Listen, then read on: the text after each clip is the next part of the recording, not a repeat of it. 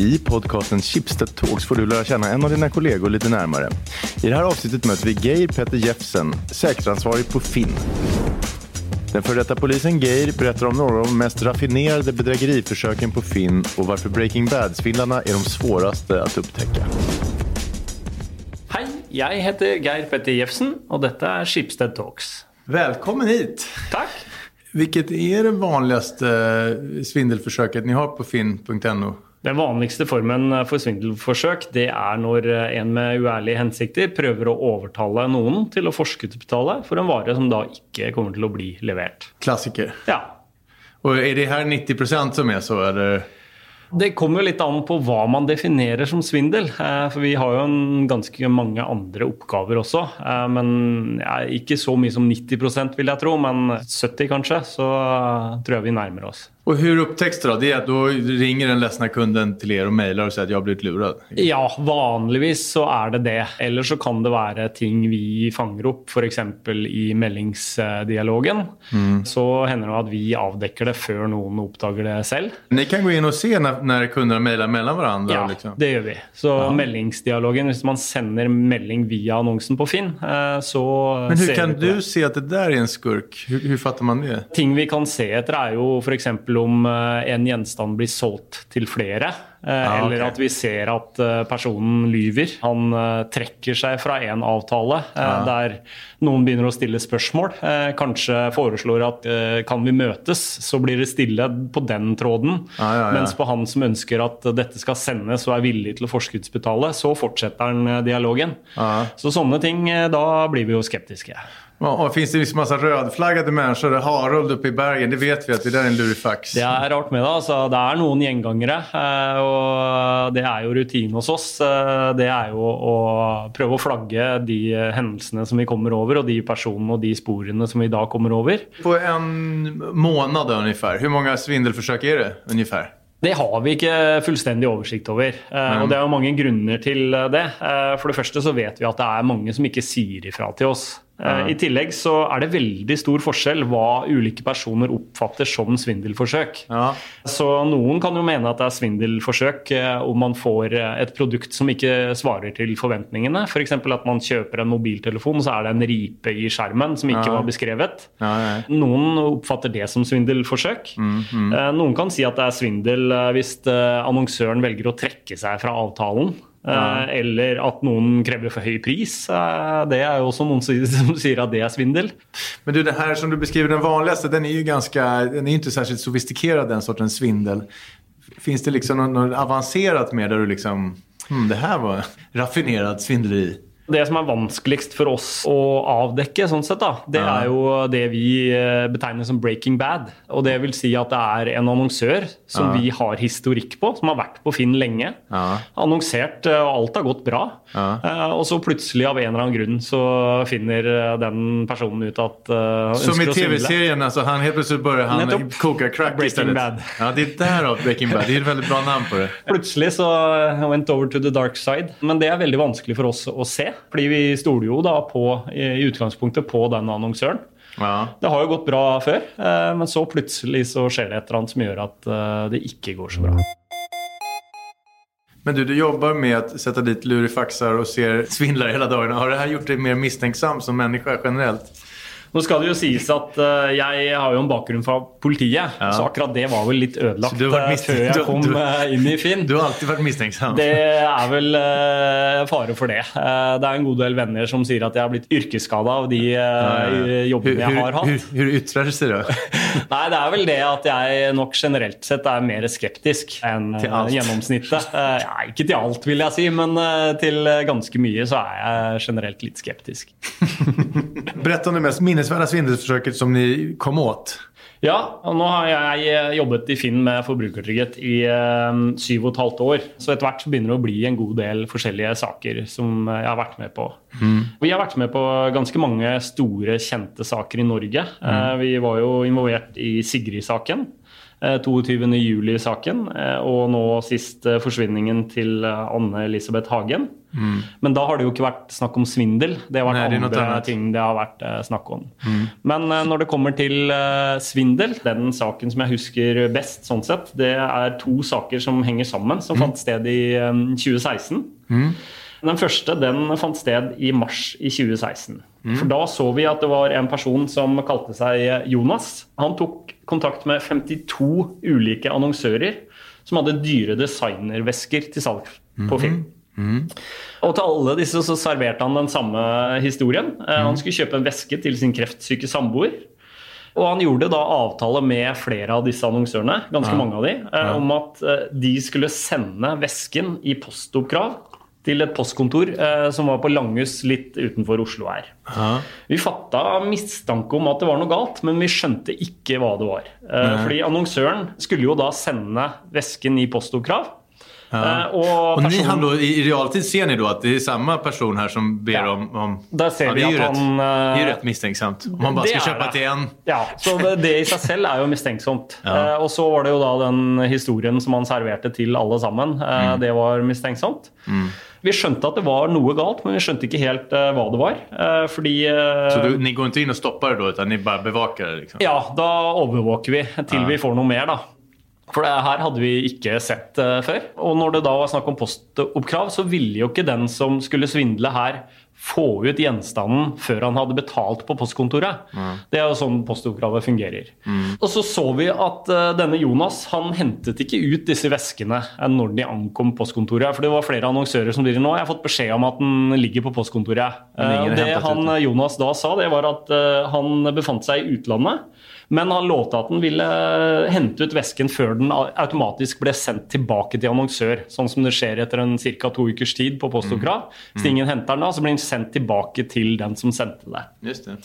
Vi så jo at det ikke stemte, fordi den som hadde sendt de meldingene, han hadde IP-adresse fra Norge, så han var ikke i utlandet. Så det var også en ting vi begynte å se at uh, dette stemmer ikke. Nej. Plutselig så skjønte vi hva som var galt. Fordi en på avdelingen vår han eh, bodde ikke så langt unna der. Og da så han i lokalavisa at det hadde vært innbrudd på postkontoret på Langhus. Ah. Postkontoret på Langhus det var under oppbygging, og postkontoret det var da midlertidig en brakke som sto utenfor menybutikken. Inntil Fort Knox direkt. Det var det ikke. Og der hadde det da vært innbrudd. Og vi visste jo at der lå det masse dyre designervesker Ja. med da adresse til Jonas. Det låter litt sånn Olsenbanden. Litt Ja, veldig. Ja. Men da ringte vi politiet, og vi ga dem den informasjonen vi hadde. Og vet at det var en person som ble pågrepet i den saken, men hvordan det gikk videre, det er jeg usikker på. Men,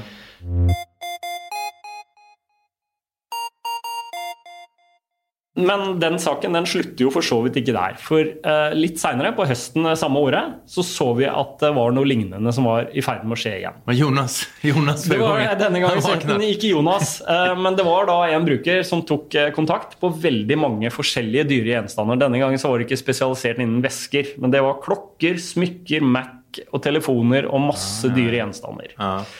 Alt dette skulle da sendes i postokrav til et eh, postkontor på Rindalsskogen. Det er eh, et sted eh, oppe på Vestlandet, Nordvestlandet. Mm. Og der var postkontoret i en Coop-butikk som lå ganske øde til. Ah, okay. Men denne gangen så hadde vi jo litt erfaring fra et par måneder tidligere, Mm. så vi var ganske sikre på hva som kom til å skje. Så men det som var spesielt denne gangen, da, det var jo at vi ringte politiet. eh, Og så forklarte vi eh, hva vi mente kom til å skje. Mm. Politiet de var veldig interessert i å samarbeide med oss eh, i denne saken. Veldig på. eh, Og fikk mye informasjon og eh, gjorde en god del undersøkelser. Og det det endte med, det var at politiet lå i buskene og venta når tyvene tok seg inn på da den Coop-butikken på Rindalsskogen. Så de tok tyvene på fersk gjerning på vei inn i butikken. Var du der? Satt du selv med litt kaffe? Nei, det var jeg dessverre ikke, altså. Men det, det, Ja, det føltes litt sånn ut som at det nesten Og Hva var det for gjeng, gäng då? Det var noen, eh, noen personer som kommer ikke så langt fra Rindalsskogen. Så vår antakelse er jo at disse med uærlige hensikter, det hender jo at de snakker sammen. Kanskje Jonas eh, måtte sitte inne etter det første tilfelle. Eh, og så har han snakka med noen eh, som bor eh, oppe på Nordvestlandet. Det kan jo være. Det vet jeg ikke. Men just denne sorten sortens svindleri, den er ikke så smart å gjøre på Finn framover, kan man si. Nei, der, det er noen tjuver som lytter nå, så det her kommer ikke riktig det kommer ikke funke en gang til. Det vil være litt dumt, da, vil jeg si. Så. Men det, det låter som et spennende jobb. Ja, jeg syns det er veldig spennende. Og det tror jeg resten av gjengen som jobber Når er det liksom om. som roligst? Når går pulsen opp i maks? Det skal vel eh, sies at uh, det skal litt til for å få makspuls når du sitter foran en PC-skjerm. Ja, okay. Akkurat makspuls tror jeg ikke jeg får. Som oftest så, så jobber jo vi med saker der uh, forholdet har skjedd på en måte for en Ah, ja. liten stund tilbake. Eh, men de inte sakene livebrott, Nei, men de sakene som jeg syns er mest nervepirrende, sånn sett, det er de sakene som blir mer eller mindre live. Ja. Siste eksempelet var faktisk fra i dag morges. Mhm. Da kom jeg på jobb, eh, og så var det helt kaos i meldingskontrollen vår. Mm. Vi så at bare køen bare vokste og vokste i meldingskontrollen vår og kom kom ikke til bunns, og så skjønte vi at det var noe galt her. Og når vi begynte å se litt nærmere på det, så viste det seg at det var da noen svindlere som hadde oppretta over 6300 falske brukerkontoer på Finn siste døgn. Og disse kontoene de ble brukt til å sende spam-meldinger til annonsører på Finn. Eh, Og da skjønte vi jo at svindlerne de satt jo der og dreiv på med dette, mens vi prøver å finne ut hva som har skjedd, og prøver å stoppe det som skjer. Så det er jo en typisk hendelse der det mer eller mindre skjer live.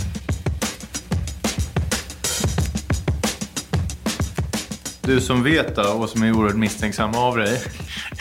vad skal jeg tenke på når jeg, når jeg liksom skal handle saker på film? Hva skal jeg passe meg for? Du kommer veldig langt med litt sunn fornuft, da. Det skal Ja. sies. Eh, Vi anbefaler jo ikke forskuddsbetale for en vare som du ikke har fått.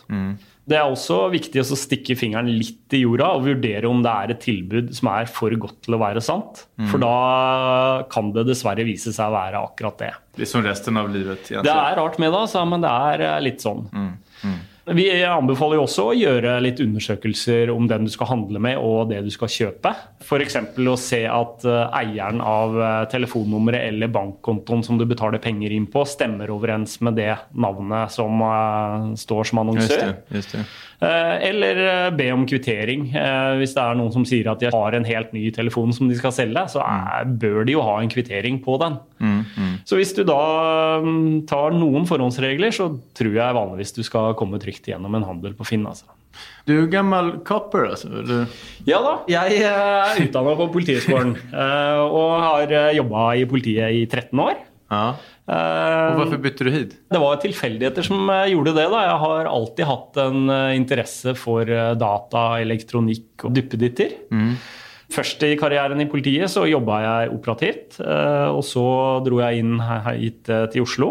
Der begynte jeg først på krimvakta som spesialist på elektroniske spor. Og så jobba jeg litt med organisert kriminalitet som analytiker. Til slutt så jobba jeg som analytiker på voldsavsnittet. Og den siste saken som jeg jobba med, det var 22. juli-saken. eh, Der jeg jobba fra første dag, 22. juli, til den siste dagen i rettssaken mot Breivik. Og det var jo litt tilfeldig at mens jeg jobbet på 22. juli-saken, så så jeg en stillingsannonse som sikkerhetsrådgiver i Finn. Selvfølgelig utlyst eh, på Finn, og det følte jeg bare rett og slett at det var skrevet til meg. Så jeg måtte jo da bare prøve å søke den, eh, og så fikk jeg den stillingen. Så det var litt eh, tilfeldig at jeg da havna i Finn. Skal man være orolig for å bli lurad syns du? Nei, Heldigvis så går de aller aller fleste annonsene og handlene da, på Finn. Det går for seg akkurat sånn som det skal. Du kjøper en soffa og en sykkel på Finn ibland. Ja, ja, jeg handler en god del på Finn, jeg. altså. Hva var Men, det seneste du kjøpte? Senest i helgen, eh, da kjøpte jeg ikke, men da var det noen som ga bort et par skisko. Eh, Nå har jeg en 15-åring hjemme som eh, vokser fortere. ja, det blir eh, dyrt om man skal ja, köpa en ny måned. Eh, Så det var eh, virkelig full klaff. Han ga bort eh, to par skisko som passa perfekt. Bra! Ja, Schibsted Talks produceras på uppdrag av Schibsted Employer Branding Team. Jag heter Hugo Renberg och producent var Jens Back.